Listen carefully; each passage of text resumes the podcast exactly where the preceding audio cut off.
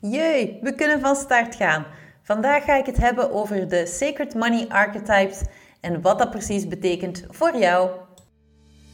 Hey, hey, hey, welkom bij de Overvloed Podcast. Ik ben jouw host, Celine Tijdgat, en ik begeleid ondernemers die het hebben van geld als stressvol ervaren, zodat ze van hun geld kunnen genieten door hun geldtype te laten ontdekken en hun leven en onderneming daar ook op af te stemmen, zodat ze meer kunnen gaan genieten met vertrouwen in de toekomst.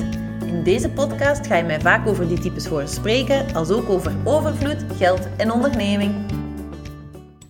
Welkom op de allereerste aflevering van de Overvloedspodcast. Ik ben kei blij dat je erbij bent en ik hoop jou gewoon keer op keer te mogen inspireren met alles wat dat er is rond archetypes en overvloed. Nu, ik had al eventjes in de trailer aangehaald dat ik werk met de Sacred Money Archetypes. Maar je bent misschien wel curieus wat dat, dat precies inhoudt. Wel, daar gaan we vandaag dieper op in. Ik ga jou de ins en outs vertellen van alle archetypes en ook hoe dat, dat welke impact dat die hebben op jouw relatie met geld. Oké, ik zal dan eerst eventjes beginnen met te vertellen wat dat archetypes eigenlijk zijn. Nu, een archetype is een groepering van een aantal universele karaktertrekken. Uh, archetypes hebben bepaalde patronen of krachten in hen die een hele set overtuigingen, verhalen, talenten en angsten samenbundelen. En die archetypes hè, die tonen ons wie dat wij zijn, zodat we inzicht krijgen in die onbewuste patronen. En op die manier kunnen we er ook naar handelen en ons leven en ja, onze hele onderneming hierop afstemmen. Nu, mindsetwerk is niet altijd fun. We botsen soms op onze drijfveren, op ons verleden en die archetypes voor mij zorgen die er eigenlijk voor dat het iets luchtiger wordt. Want je ziet wel de patronen, maar het wordt een spel om die archetypes in te zetten. Uh, ik heb nu verteld wat de archetypes zijn. En de Sacred Money Archetypes, dat zijn archetypes die tonen hoe dat, we, hoe dat onze relatie is met geld. En als je dan in een van de valkuilen trapt van, jou, uh, van een van jouw archetypes, dan door die te kennen, ga je ook wel een hele toolbox gaan hebben vol talenten en sterkte die je kan inzetten om die valkuilen eigenlijk, uh, om te zorgen dat je daar niet meer in trapt. Hè. En voor mij heeft het gezorgd door mijn, ik heb mijn leven en mijn onderneming, door mijn archetypes beter te kennen, daar helemaal op kunnen afstemmen, waardoor dat ik eigenlijk veel meer kan genieten van, van het leven, van het ondernemen. Het wordt allemaal veel moeitelozer, omdat ik weet dat ik iets niet moet forceren wat dat niet bij mij past. En als je leeft vanuit je talenten en de sterktes van die archetypes, creëer je ook een enorme synchroniciteit. Dat zijn zo van die momenten dat als je iemand denkt en dan belt hij je de volgende dag. Of je droomt van onverwachte inkomsten en een week later merk je dat je dat bedrag ook effectief in jouw echte leven hebt gekregen. En dat lijkt te gek om waar te zijn, maar het kan ook echt gebeuren. Maar het is belangrijk daarvoor dat je echt afgestemd bent op jouw eigen karakter, op jouw eigen sterktes en valkuilen. Dus dan hoe ontdek je welke archetypes je bent? Wel, het begint met de Sacred Money Archetypes quiz. Die vind je op mijn website www.celintijdgat.com quiz. En uh, ja, je krijgt een aantal stellingen die je moet beantwoorden, maar echt vanuit jouw echte zelf. Dus ga heel intuïtief gaan antwoorden. Let op dat je niet antwoordt wat dat je eigenlijk van jouw omgeving heel de tijd hoort. Van, ah, maar je moet zo en zo en zo leven. Probeer dat los te koppelen. Ga echt voelen naar wat dat jij nodig hebt. Wat zou er bij jou kloppen? Zelf al klinkt het niet altijd een positieve vraag, want soms is het zo van, ja, in, mijn, als je mij helemaal laat doen, dan geef ik zodanig veel uit dat ik schulden maak. Geef dat gerust toe. Er is geen oordeel op. Elk archetype is goed, elk archetype heeft talenten, elk archetype heeft werkpunten. Dus de bedoeling juist om die te gaan kennen is te zorgen dat je zorgt dat dat een evenwicht is, dat je niet langer continu in die valkuilen stapt en dat je een evenwicht kan creëren in jouw relatie met geld. Nu, dus je gaat een aantal statements beantwoorden en dan krijg je op het einde een score. Dus er zijn acht archetypes en de, belang, de enige die echt van belang zijn, zijn de top drie. Want je hebt van alle archetypes wel een beetje energie in jou, maar het zijn de top drie die eigenlijk jou, ja, die bepalen hoe, hoe dat jouw blik op de wereld is. En um, de, de volgorde van de scores is van belang, niet de hoogte van de scores. Dat is dus heel belangrijk. Maakt niet uit of dat jij 35 hebt voor jouw eerste of 25. Het is relatief gezien de positie die het belangrijkste is. Nu, het kan wel gebeuren dat je een gelijke score hebt. Uh, als dat niet in de top 3 is, dan maakt mij dat allemaal niet uit. Nu, als het natuurlijk wel in jouw top 3 is, dan wil je wel weten welke dat de volgorde is. En dat doe je eigenlijk door gewoon te gaan onderzoeken hoe dat luister is naar dat stuk van die archetypes waar dat je gelijke score van hebt. En ga gewoon voelen van wat klopt het meeste bij mij? Wat is het meeste waar? Want er wordt natuurlijk heel veel opgevangen in die vragen en ik krijg heel veel reacties van die quiz hoe verbazingwekkend accuraat dat dit is. Maar toch is het... Ehm, ja, er zijn soms kleine nuances dat zo'n quiz niet kan opvatten. Hè. Dus ga gewoon eens kijken. Uh, en zoek dan, neem, kies dan degene uit die, het, je, die jou het meeste aanspreekt. Um, en moet je de test eens opnieuw doen als het resultaat niet helemaal klopt? Um, dat is ook een vraag die ik regelmatig krijg. Normaal is het niet de bedoeling van die opnieuw te doen. Als je echt alle vragen hebt beantwoord, dat je dicht bij jezelf blijft en echt jouw eigen mening hebt gegeven, jouw eigen patronen, dan zou het niet nodig zijn. Maar het kan wel zijn dat jij bijvoorbeeld heel, er, heel lang in een omgeving bent geweest van mensen die een heel ander archetype hebben en die nogal heel dominant die eigenschappen hebben doorgegeven. Ehm, en dat is, ook dat is zonder oordelen, hè, want ik weet dat ik heel lang in een omgeving ben geweest van verzamelaars bijvoorbeeld, die niet gemakkelijk geld uitgeven en nogal wantrouwen hebben dat er niet, nooit genoeg gaat zijn. En ik nam dat ook over, dat gedrag. Ik was ook heel bang om, om geld uit te geven op een bepaald moment. Terwijl mijn hoofdarchetype is een romanticus en dat is degene die juist heel makkelijk geld uitgeeft. Dus had ik toen, toen ik in de die omgeving zat, de test beantwoord, had dat misschien een ander resultaat gegeven. Omdat je dan ja, als je veel bij iemand zet, je pakt die denkpatronen soms over. Hè. Het is niet voor niks dat ze zeggen dat je als ondernemer moet zorgen dat je, ja, dat je omringd bent door mensen die ook zoals jou denken, die willen vooruitgaan, die, die willen groeien en zo. Hè. Dus um, als je voelt dat het echt niet klopt, ja, je kan hem altijd eens opnieuw doen. Maar meestal hoeft het niet. Hè. Dus, uh, oké, welke archetypes zijn er? Er zijn er dus acht. Ik zal beginnen met de mijne, de romanticus.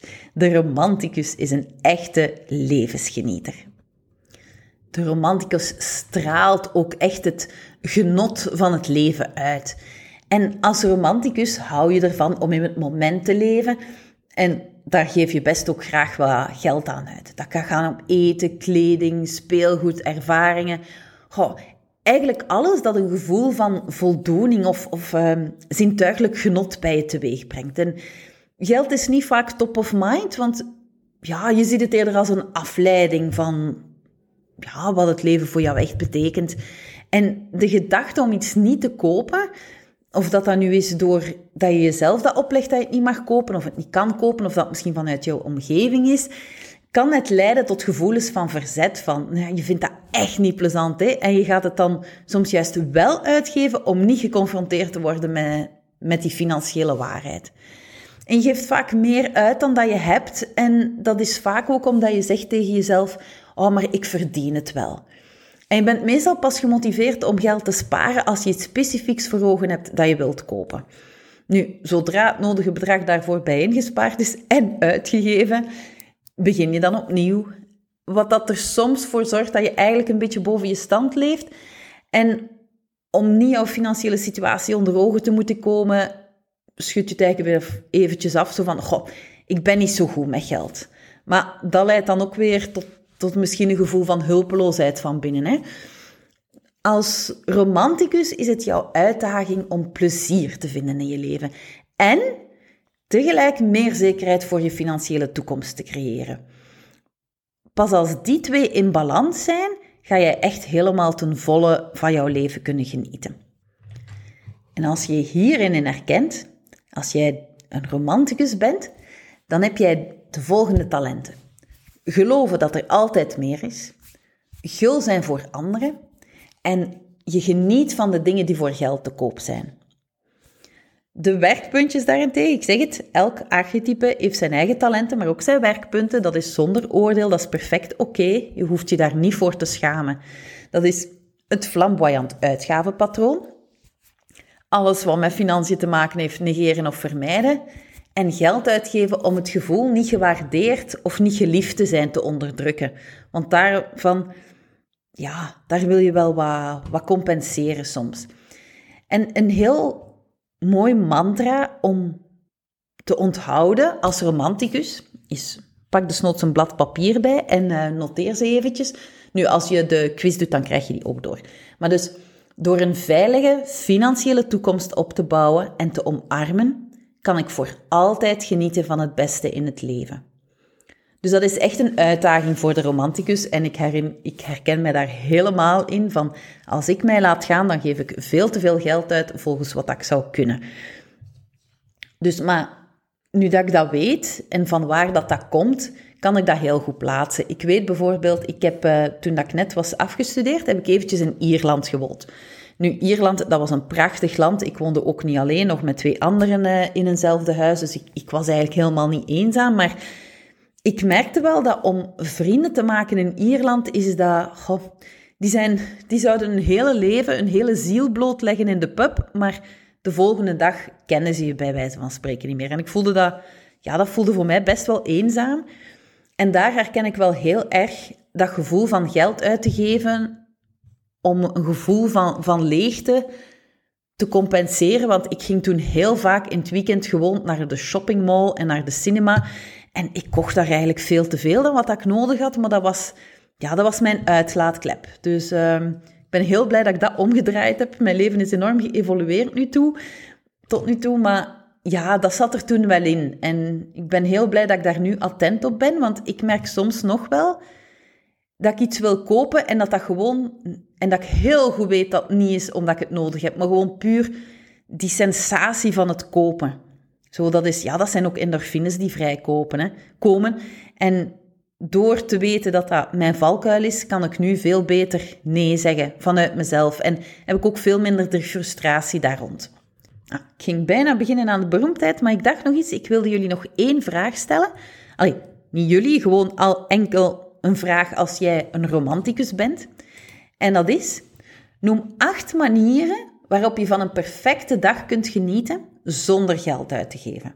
Ja, je hoort het goed, zonder geld uit te geven. Als romanticus zijnde, die eerste keer dat ik die vraag kreeg, was dat zo van... Ah, meende dat? Dat gaat toch niet? Ik heb echt, ik heb daar de ganse dag spookte dat door mijn hoofd en ik dacht van, no way dat dat gaat, maar ja, en een bad pakken, dat is toch niet genieten? Want ja, een bad pakken is iets wat dat op zich geen geld kost. Ja, oké, je hebt wel water nodig, maar je snapt het plaatje wel, hè? Maar door daarover te gaan nadenken, heb ik gezorgd dat als ik in bad ga, dat dat ook echt een genietmomentje is. Dus uh, ja, denk er eens over na. Uh, ik weet dat een heel ja, dat een vraag is die heel wat weerstand kan oproepen, maar dat is perfect oké. Maar dus laat het eventjes bezinken, want het is echt de moeite om daar verder op in te gaan. Oké, dan gaan we het eventjes hebben over de beroemdheid. Dat is mijn tweede archetype. En het eerste archetype is echt wel het toparchetype, het archetype dat het er echt er allermeeste naar buiten komt. Maar nummer twee en drie zijn natuurlijk ook wel aanwezig in jouw, in jouw gedrag, in jouw patronen. De beroemdheid, die is de ster in je en straalt impact en erkenning uit. Nu, als beroemdheid heb jij een charismatische persoonlijkheid en je hebt vast wel gemerkt dat jij gewoon, ja, zo makkelijk geweldige mensen en ervaringen aantrekt. Nu, de kans is groot, zeker als je een vrouw bent, dat je die eigen stralende ik lange tijd verborgen hebt gehouden voor de buitenwereld. Maar een keer dat je je ware aard ontdekt, kom je echt op een briljante manier in het middelpunt te staan. En voor mij was dat eigenlijk, ja, de eerste keer dat ik hoorde dat ik een beroemdheid was, ja, dat, dat voelde, ik had daar zoveel weerstand tegen. Ik zei, maar ik ben helemaal niet zo magnetisch en ik ben, um, ja, ik, ik, dat voelde totaal niet oké. Maar dan, ja, door het feit van inderdaad dat je we hebben vroeger lang gehoord van, ja, moet niet zo opvallen en doe maar normaal en zo, waardoor dat de beroemdheid een van de archetypes is die het meeste is onderdrukt geweest. Dus het kan best zijn dat als je de eerste keer die test doet en nog niet echt bezig bent met jouw, uh, ja, met jouw patronen en zo, dat die beroemdheid waarschijnlijk heel wat lager scoort. Maar als je dan daar een beetje mee bezig bent, met die eerste drie ga je voelen dat daar iets mankeert. En als je dan de test opnieuw doet, zou het best wel kunnen dat die beroemdheid wat hoger is. Nu, niet dat ik wil zeggen dat iedereen een beroemdheid is, hè, maar dat is bij, bij, de, bij de mensen bij wie dat ik dat gehoord heb dat dat gebeurde, dat de score veranderd was in de top drie van de archetypes, is dat, was dat 99% van de keren voor de beroemdheid. Dat die ineens van helemaal van achter naar helemaal van boven kwam. Dus dus de beroemdheid. Uh, je, creëert graag veel, je creëert graag veel ja, aandacht voor jezelf, maar ook voor anderen. En je beseft heel goed dat geld deuren kan openen. En dat waardeer je ook. Nu, je bent een geboren leider en echt geweldig in het creëren van geld. De valkuil van de beroemdheid is dat, ondanks dat je veel geld kan creëren, dat je ook elke cent die binnenkomt en soms meer dan dat uitgeeft. En misschien heb jij zelf iemand in jouw leven die jou moet helpen met het betalen van de rekeningen van jouw royale levensstijl, toch wel. Nu, terwijl dat jij voor de buitenwereld vaak heel zelfverzekerd lijkt, kan het wel zijn dat jouw verhouding met geld eigenlijk um, ja, een beetje een compensatie is voor het feit dat jij wel in jouw jeugd bekritiseerd werd of genegeerd of zelf buitengesloten hebt gevoeld. En maar het voordeel is van jouw streven om in die schijnwerpers te staan, kan heel krachtig zijn in samenwerkingen. En als beroemdheid, ja, je, je toont je waardering door het uitgeven van geld, hè. Maar soms is het goed om te ontdekken dat er ook andere manieren zijn waarop dat je anderen kunt waarderen en accepteren.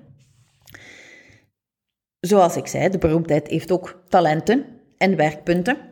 De talenten zijn leiderschap, anderen helpen om een fantastische indruk te maken en je onderscheiden van de massa. En jouw werkpunten? Compulsief geld uitgeven, status belangrijker vinden dan financiële zekerheid en geld uitgeven aan uiterlijke schijn of ja, voor het imago om een gevoel van, van leegte of kritiek te voorkomen.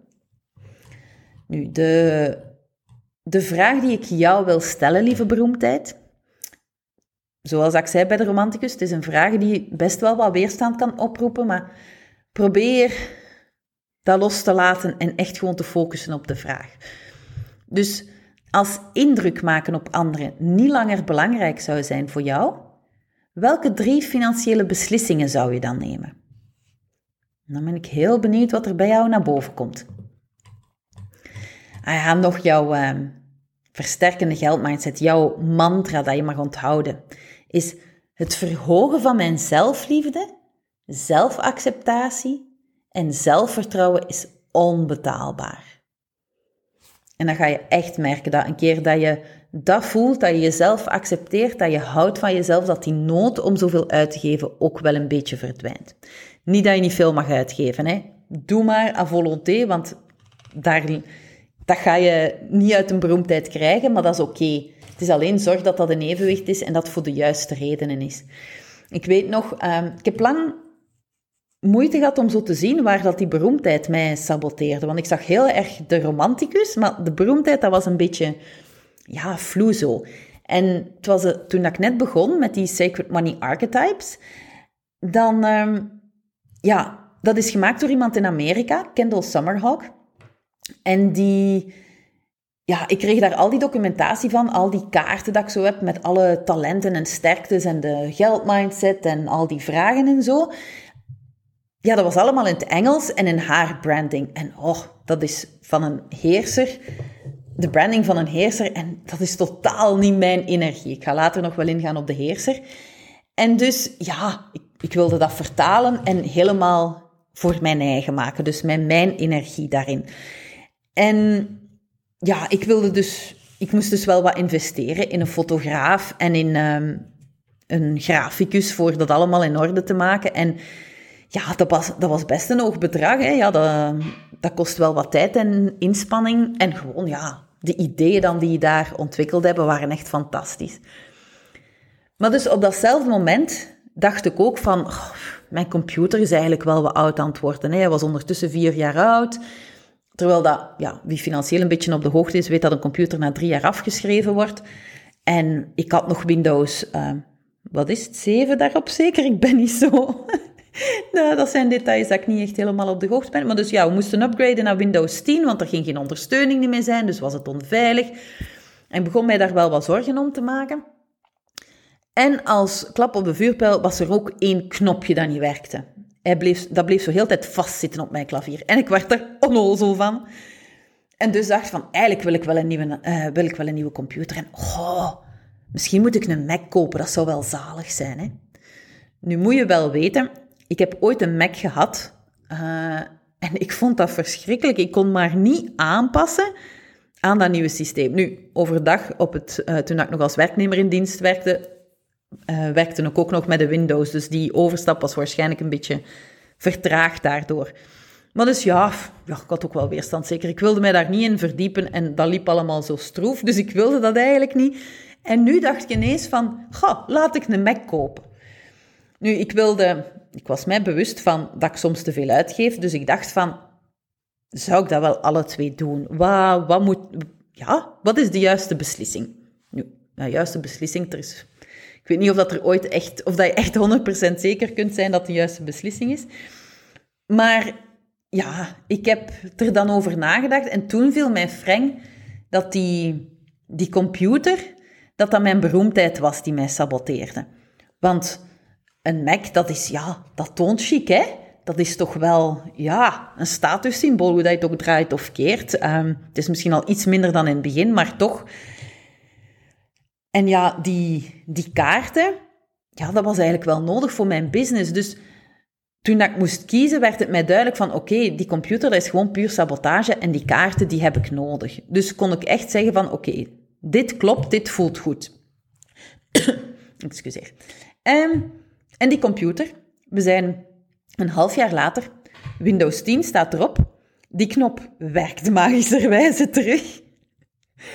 En... Um, was er nou iets? Ja, oké. Hij is vier jaar oud ondertussen, maar who cares? Hij werkt en hij doet heel goed zijn werk en ik heb nog echt geen zin om te veranderen. Dus ja, het was wel heel duidelijk wat dan mijn sabotage was. Oké, dat was de beroemdheid. Next, de rebel. De rebel is de opstandeling in jou en die straalt de noodzaak uit om risico's te nemen. Een rebel is enorm creatief met geld en maakt er graag ook een spel van om te winnen.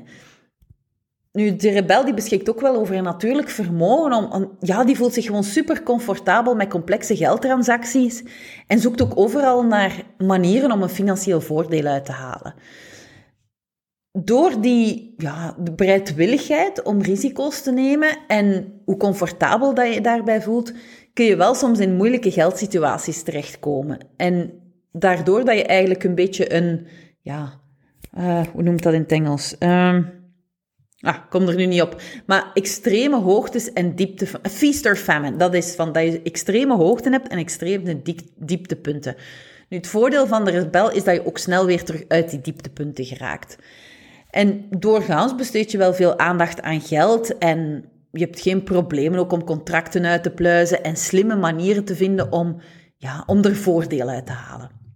Je bent wel een beetje een financiële sensatiezoeker en ja, houdt er ook wel graag een flamboyante levensstijl op na.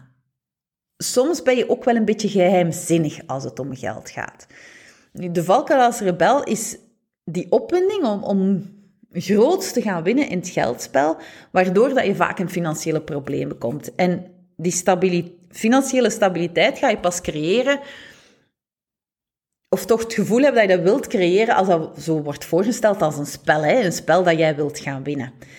Nu, de talenten van de rebel zijn deals structureren en financiële complexiteit aanpakken, aandacht besteden aan cijfers en financiële details en risico's nemen. Jouw werkpunten zijn dat je soms wat gesloten bent dat je soms schokt met financiële zekerheid en verstrikt kan raken in het gevoel om goedkeuring nodig te hebben. Nu, de rebel is mijn derde. Dus de eerste was de romanticus, die graag geld uitgeeft. De beroemdheid die ook graag geld uitgeeft. En de rebel die ook graag geld uitgeeft. Dus qua mijn relatie met geld kan ik wel zeggen dat het geld nogal makkelijk naar buiten stroomt. Dus vooral daarom is het bij mij heel belangrijk dat ik let op die valkuilen. Soms heb je zo uh, archetypes die elkaar een beetje in stand houden. Zo ken ik een, iemand die verzamelaar was en, en rebel. Nu, de verzamelaar die ga ik uh, zo meteen vertellen. Dat is degene die geen risico's wil nemen, die heel erg vasthoudt aan veiligheid. En de rebel is degene die risico's neemt. Dus als je dat hebt in jouw top 3, ja, dan botst dat wel enorm. En wat dat, die klant deed, dat was eigenlijk... Je, allee, hoe dat, dat zich manifesteerde in haar leven, was op vlak van geld was de verzamelaar aan het roer en was ze heel veilig, eh, nam ze geen enkel risico. Maar dan alles wat dat niet met geld te maken had, daar mocht haar rebel helemaal losgaan en nam ze het ene risico na het ander. Dus zo zie je maar dat zelf de combinatie van tegenstrijdige archetypes, dat dat wel samenpast, maar dat die zich ja op een andere manier tonen en ja, dat die ook wel zo een beetje evenwicht kunnen creëren, hè, als je dat goed inzet. Wat ik merk, hoe dat mijn rebel naar boven komt, is als ik bijvoorbeeld wil inschrijven op een, in een opleiding of voor coaching of wat dan ook, dan, nu, mijn romanticus die leest al, leest al maar half die landingspagina als het gevoel maar goed zit. Maar als er heel veel reviews zijn op die pagina, dan is de kans eigenlijk dat ik gewoon daarvoor, daar alleen al nee voor zeg. Omdat ik dan denk van, ga, maar iedereen doet dat. En zeg, dat is wel saai. Ik bedoel, ik moet wel uniek zijn. Dus dat is uh, wel belangrijk voor die rebel, dat die, ja, dat die een beetje uniek is. Die wil dat dan wel graag. En ik vermoed dat mijn beroemdheid daar ook wel bij helpt. Nu, de vraag voor de rebel. Wat is voor jou de eenvoudigste en meest praktische manier om in de komende 90 dagen een jaarinkomen te verdienen? Als rebel ben je enorm inventief in het creëren van geld, dus ik ben heel benieuwd naar wat dat dan naar boven brengt bij jou. En vooral ook het feit om een jaarinkomen te creëren en te zorgen dat je daar niet meer aankomt. Dat je, zodat alles wat dat erboven komt, dat je daarmee kunt spelen. Want dat is eigenlijk de mantra, de versterkende geldmindset voor de rebel is... Ehm, nee, dat is iets anders, sorry. Maar wat dat de, met dat ik zei, de rebel heeft nogal een ja, ups en downs in het financiële plaatje. Maar als de rebel kan zorgen voor een stabiel jaarinkomen en alles wat dat daarboven komt, dat je daar dan mee kan spelen en risico's pakken, dat is een gezonde situatie. Nu, het uh, mantra voor de rebel is: soms bestaat het grootste risico erin om regelmatig te investeren in beproefde zaken. En dat is ook wat ik daarnet zei met die cursus, als ik een cursus of coaching wil kopen en er zijn te veel reviews, dan haak ik af. Ja, dat is wel typisch een valkuil van de rebel. Hè? Want soms is het gewoon goed om te blijven um, verder bouwen op iets wat dat al bestaat. Dan gaan we naar mijn vierde, de verzamelaar. Nu, ik zeg mijn vierde, dus die zit niet in mijn top drie. Dus ik hou eigenlijk geen rekening mee dat ik een verzamelaar ben. Ik merk alleen dat ik heel veel mensen in mijn omgeving heb gehad die verzamelaars zijn. En ik heb ook een paar heel goede vrienden die, die dat archetypen hebben. En dat die, ja, dat stemmetje in mijn hoofd toch heel vaak naar boven komt. Zo. Dus daar moet ik wel zorgen dat ik daar...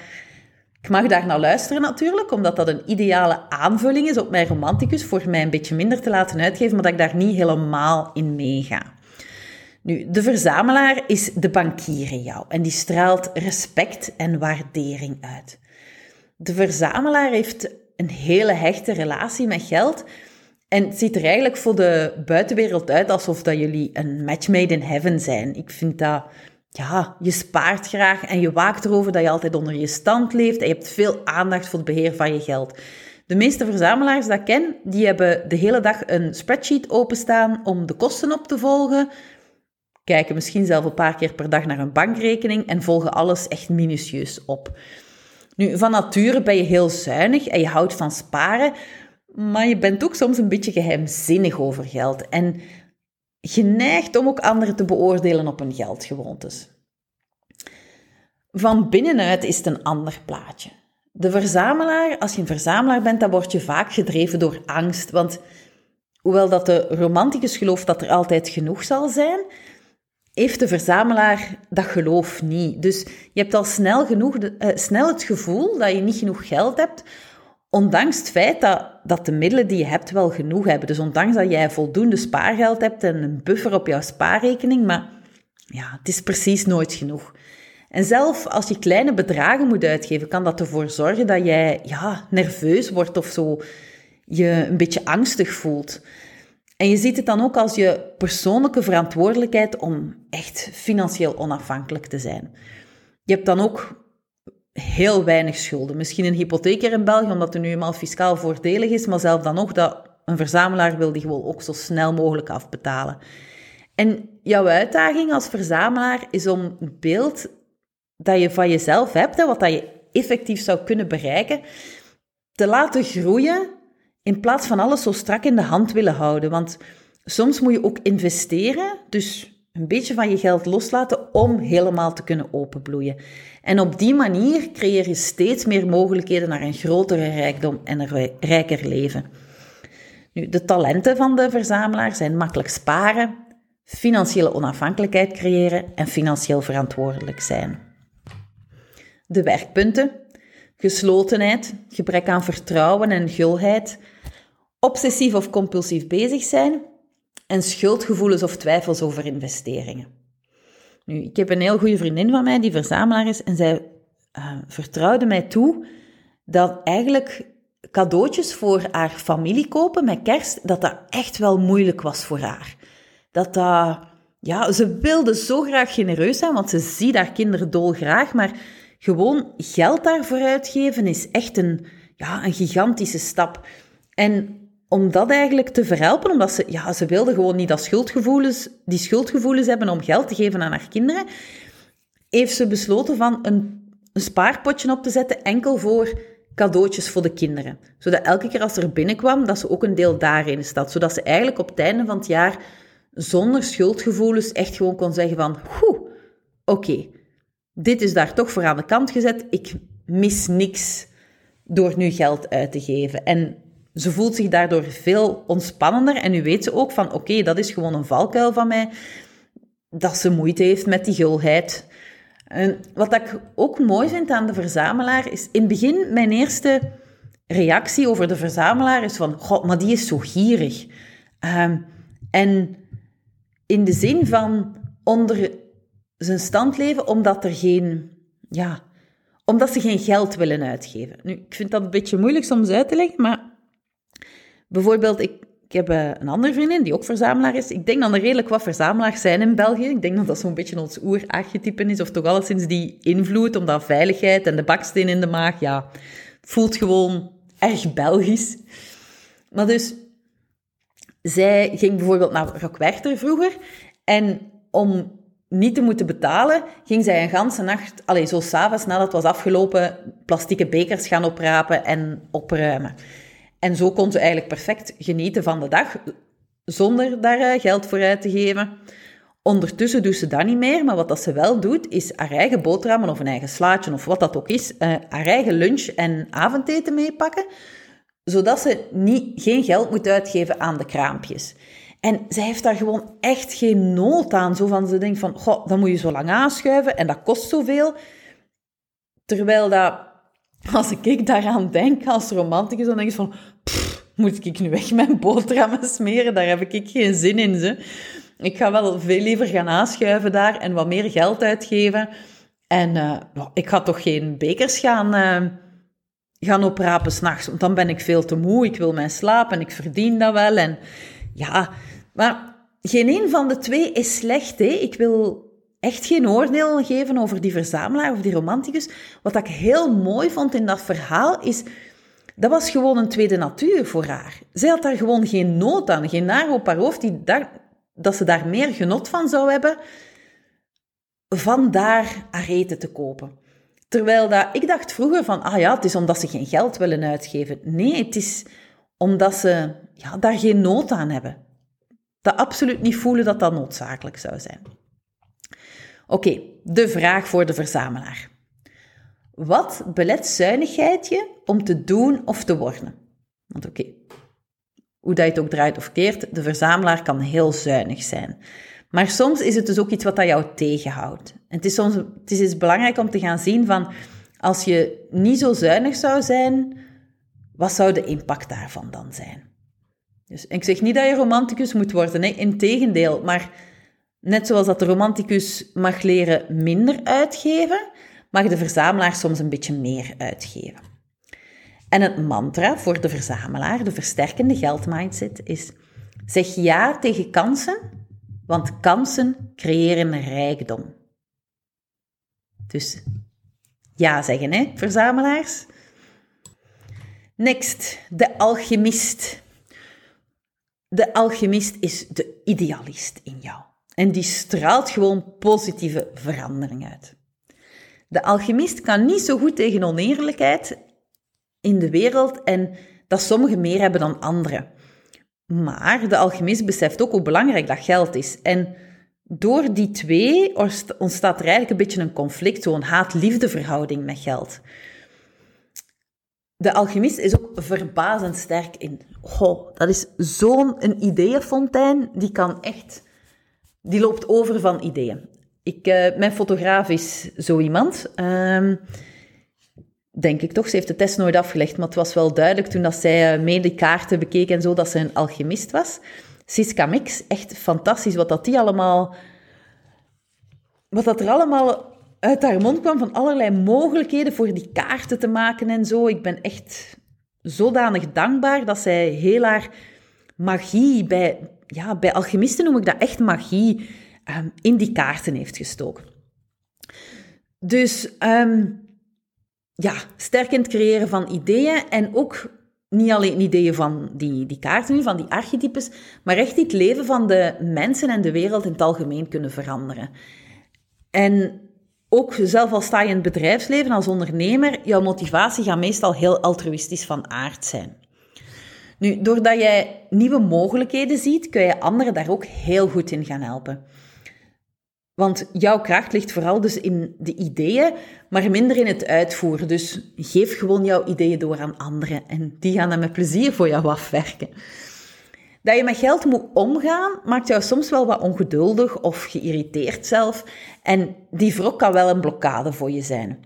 Want door dat conflict, die dualiteit, bevind je je vaak in situaties waarin dat je voor geld afhankelijk wordt van anderen in plaats van je eigen financiële onafhankelijkheid te creëren. En ook daarbij voel je weer die haat-liefde verhouding. De uitdaging voor jou is om jouw enorme energie te richten op om geld te halen uit die ideeën en probeer een manier te vinden om echt positief te verbinden met al het goede dat geld in de wereld kan betekenen. Want het zal jou helpen om jouw geweldige ideeën te transformeren in financieel succes en echt een stempel op de, op de wereld zetten. De talenten van de alchemist zijn ideeën genereren, opkomen voor anderen en mogelijkheden zien. De werkpunten op anderen vertrouwen voor financiële ondersteuning een negatieve houding tegenover geld en doelstellingen of gewoontes in zaken geld verdienen niet altijd even ernstig nemen. Maar volgens mij komt dat dan weer uit het feit dat je die negatieve houding hebt tegenover geld. Omdat je gelooft heel erg dat geld heel veel goed kan doen, maar ja, die ongelijkheid in de wereld en daardoor geef je heel veel van je geld weg, omdat je vindt dat je anderen moet helpen. Um, wat ik heel mooi vind in een alchemist is niet alleen de ideeën die, die die kan genereren, maar ook de mogelijkheden heel vaak zien wij als mensen enkel de, ah, de obstakels en wat dat er niet gaat. Uh, bijvoorbeeld nu ook met corona, hoe dat je het ook draagt of keert, is best wel moeilijk soms voor, uh, voor heel veel uh, ondernemers en heel veel gezinnen. Maar door dat te blijven zeggen, gaat dat niet, ja, gaat dat niet veranderen. Terwijl dat als je vraagt, wat is er nog meer mogelijk? ja, dan kan je zien wat dat er... Er zijn echt wel mogelijkheden. Ik weet een, ehm, een onderneemster hier in ons dorp, die had een kledijwinkel. Dus echt wel een serieuze impact eh, door corona, want ja, ze moest toe. En eh, in het begin dacht ze van, ja, er gaat hier, dat gaat hier rampzalig eindigen. Hè? Ik ga mijn winkel moeten toedoen. Maar ze heeft, ja, ze heeft zitten nadenken van, wat kan ik doen om mijn klanten te helpen? En die heeft dat op een heel inventieve manier opgelost. Die is wat dat ze eigenlijk deed, was ze kwam tot bij haar klanten toe thuis. Ze bleef aan de voordeur wachten, gaf de zak af met kleren die de klant wilde passen. Die ging dan thuis binnen alles, uh, alles even checken. En alles wat dat ze niet moest, kon die klant teruggeven. En dan ging, um, ging die onderneemster naar huis alles goed afstomen, zodat het helemaal proper was, dat er niemand besmet kon raken door de kleren door te geven. Ja, in het begin waren we ook niet echt op de hoogte van hoe, dat, dat, hoe gevaarlijk dat, dat was om dingen vast te pakken. En zo is zij er wel doorgeraakt. Dus ik vond dat ja, enorm knap. Ze, is ook, ze begon ook elke dag TikTok-filmpjes te maken. En echt fenomenaal wat dat die allemaal gecreëerd heeft. Nu, ze zei achteraf van, dat ze wel veel meer heeft moeten werken dan ervoor om hetzelfde uh, om dezelfde omzet te genereren. Maar ik vind het wel heel krachtig. Ze heeft naar de mogelijkheden zitten kijken. Dus ik vraag me af of dat zij misschien een alchemist is. Ik zal daar eens moeten vragen om de test te doen. Oké, de vraag voor de alchemist. Welk negatief idee over geld ben jij bereid los te laten om een positieve impact in de wereld te realiseren?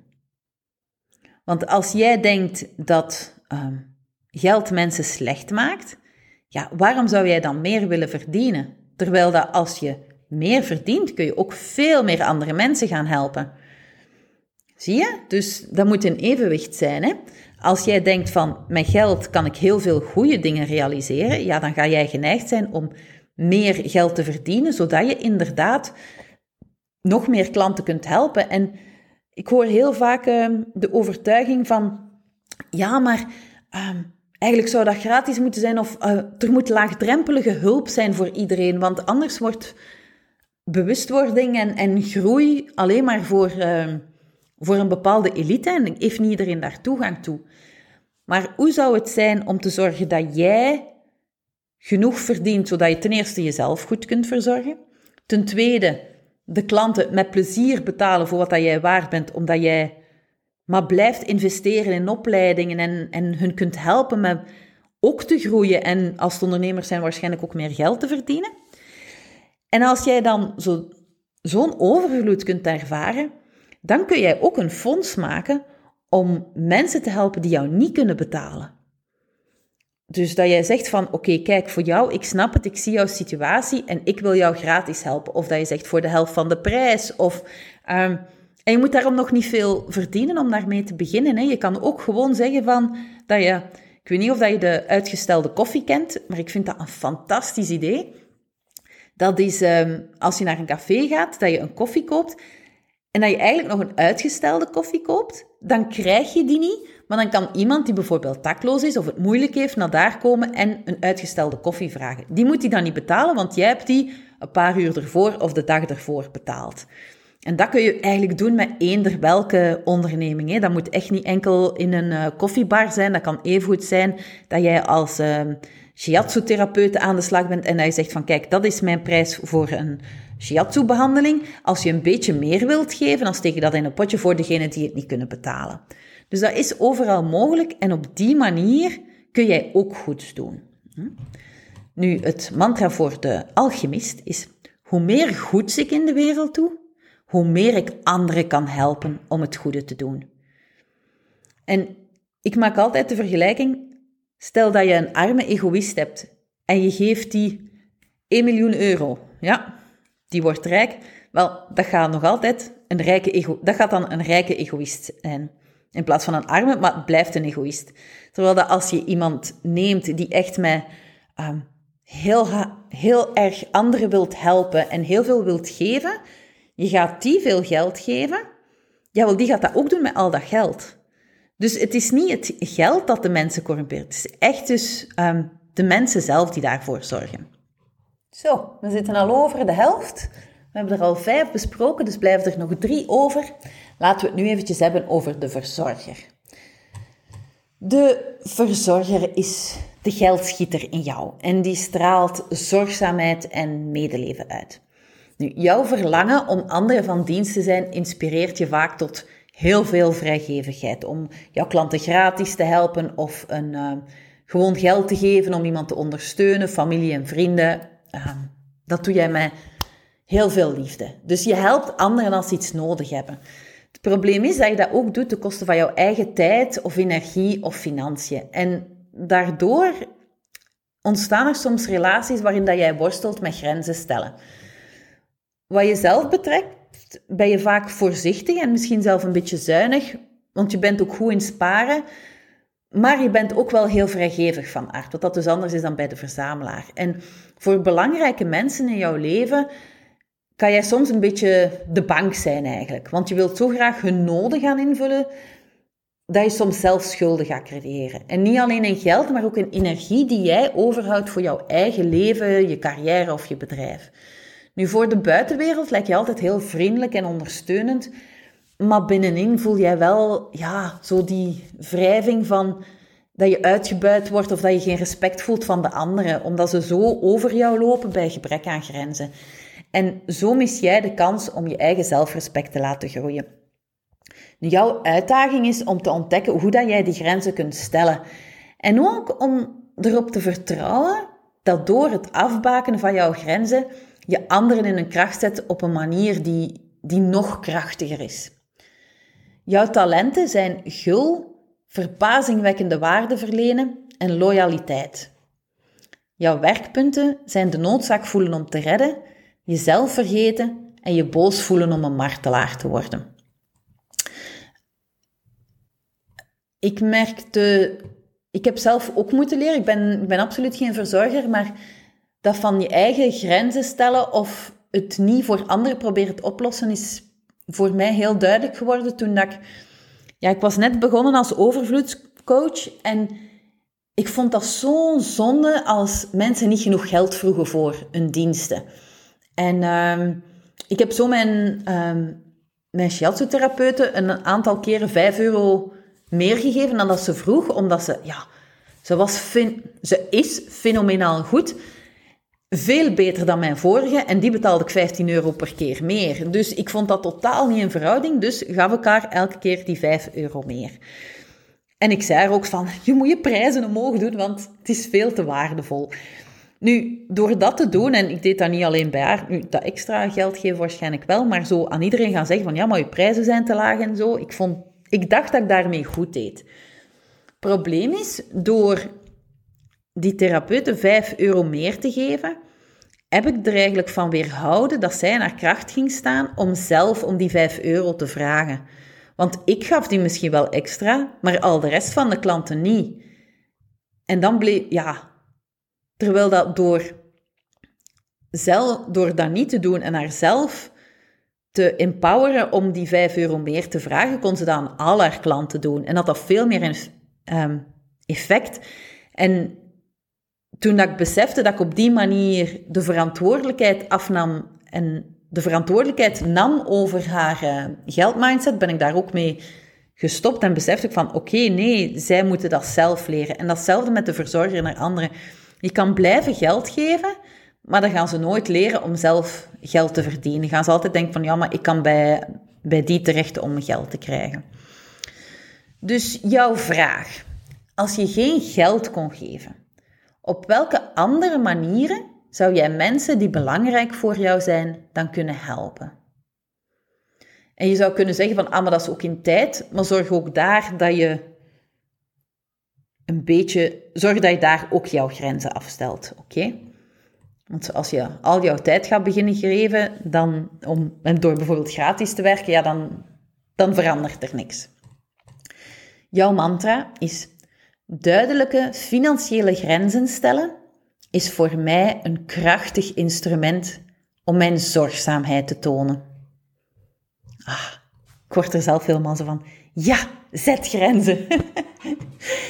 En ja, daar zit iedereen wel een beetje mee te struggelen, vermoed ik. Dus uh, mogen we nog wat meer leren. Maar elke keer kleine stapjes en dan komt het wel in orde. De voorlaatste, de heerser. De heerser is de imperium power in je. Hè? Die straalt het verlangen naar succes uit. Nu, de heerser die heeft ja, een heel krachtige drang, een vuur om iets te gaan creëren. En een grote impact te hebben op anderen en daardoor ook een heel aanzienlijk inkomen creëren.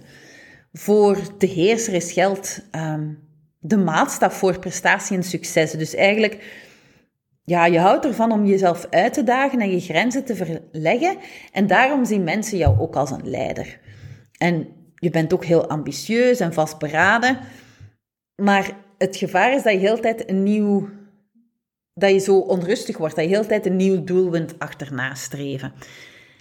En misschien ben je ook een beetje terughoudend in het geld uitgeven, maar ja, als het gaat over je status zichtbaar te maken en te versterken, dan ga je dat wel graag doen.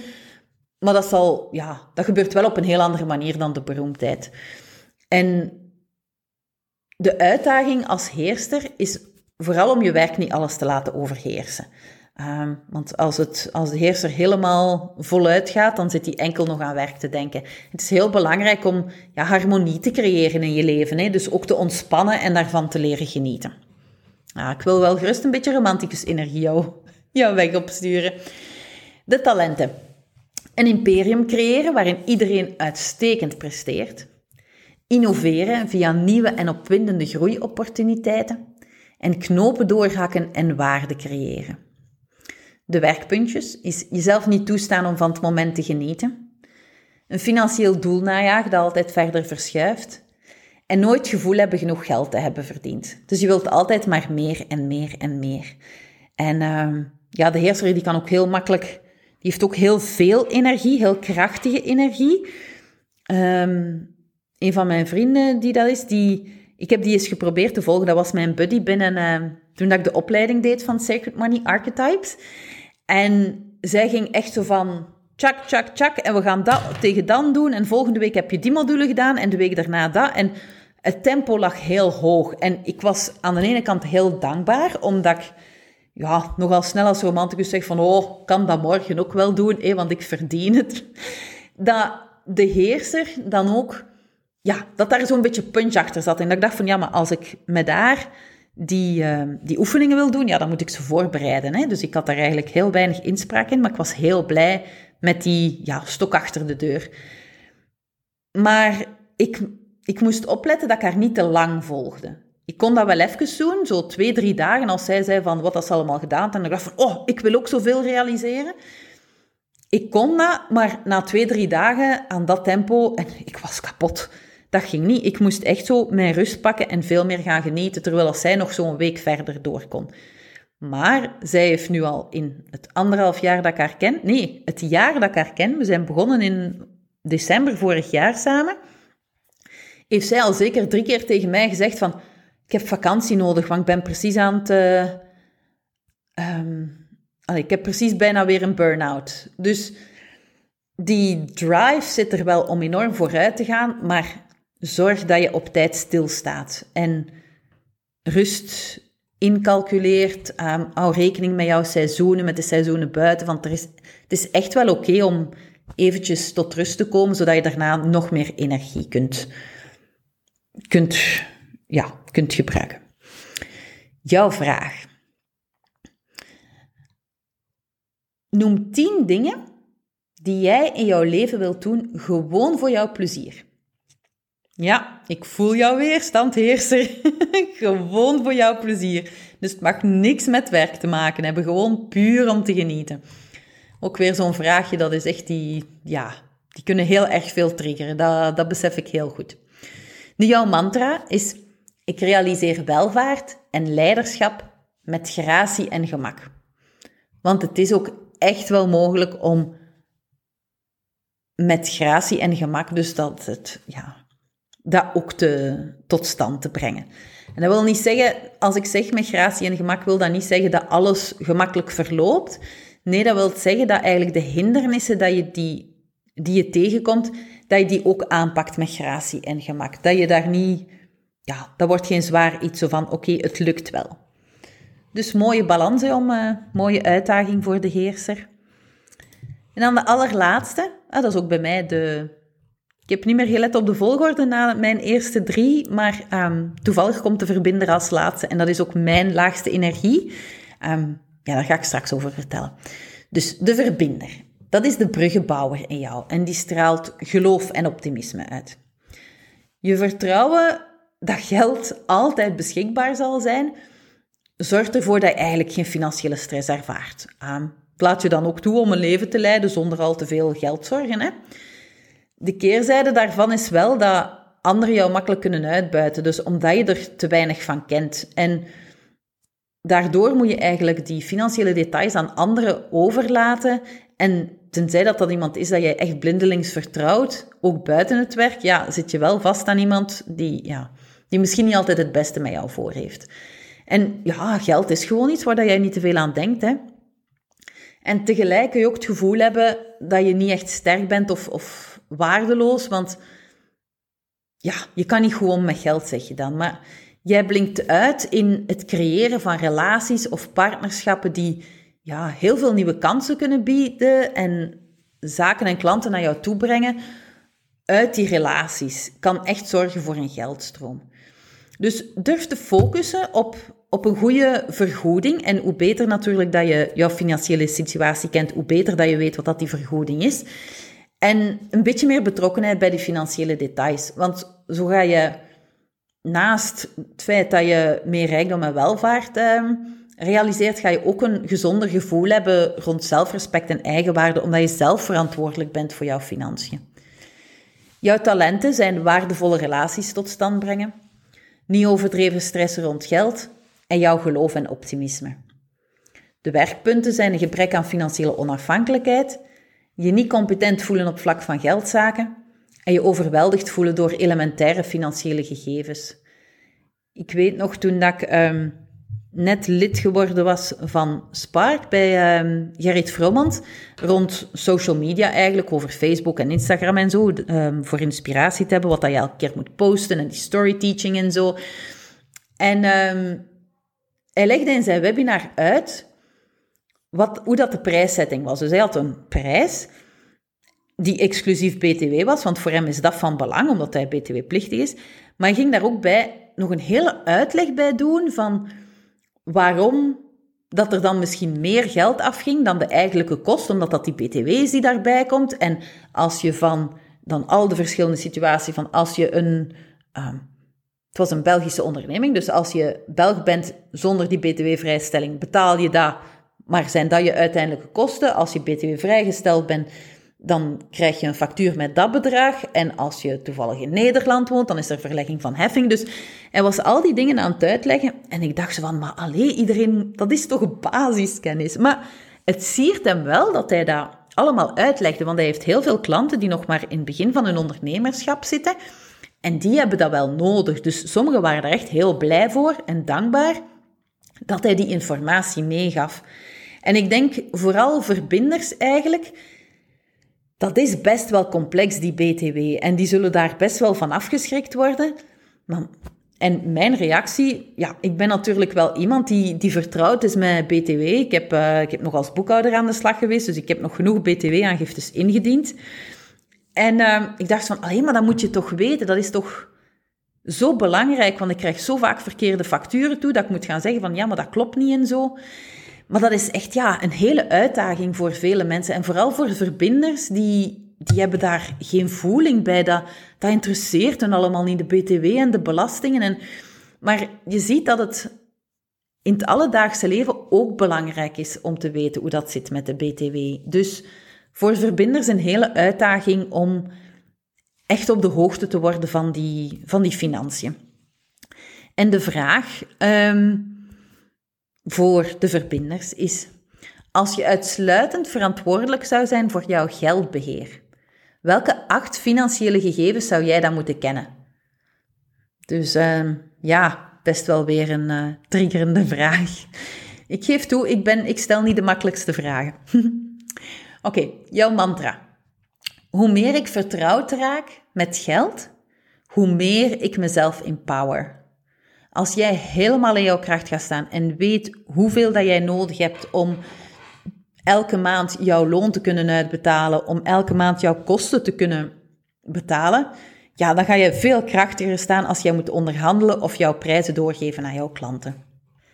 Dat waren alle acht Sacred Money Archetypes. Ik hoop dat er wat duidelijkheid is gekomen in de types voor jou en hoe dit een impact heeft op jouw leven. Hoe dat je kunt zorgen dat door die archetypes in te zetten, dat je een onderneming kunt creëren die helemaal afgestemd is op jouw sterktes.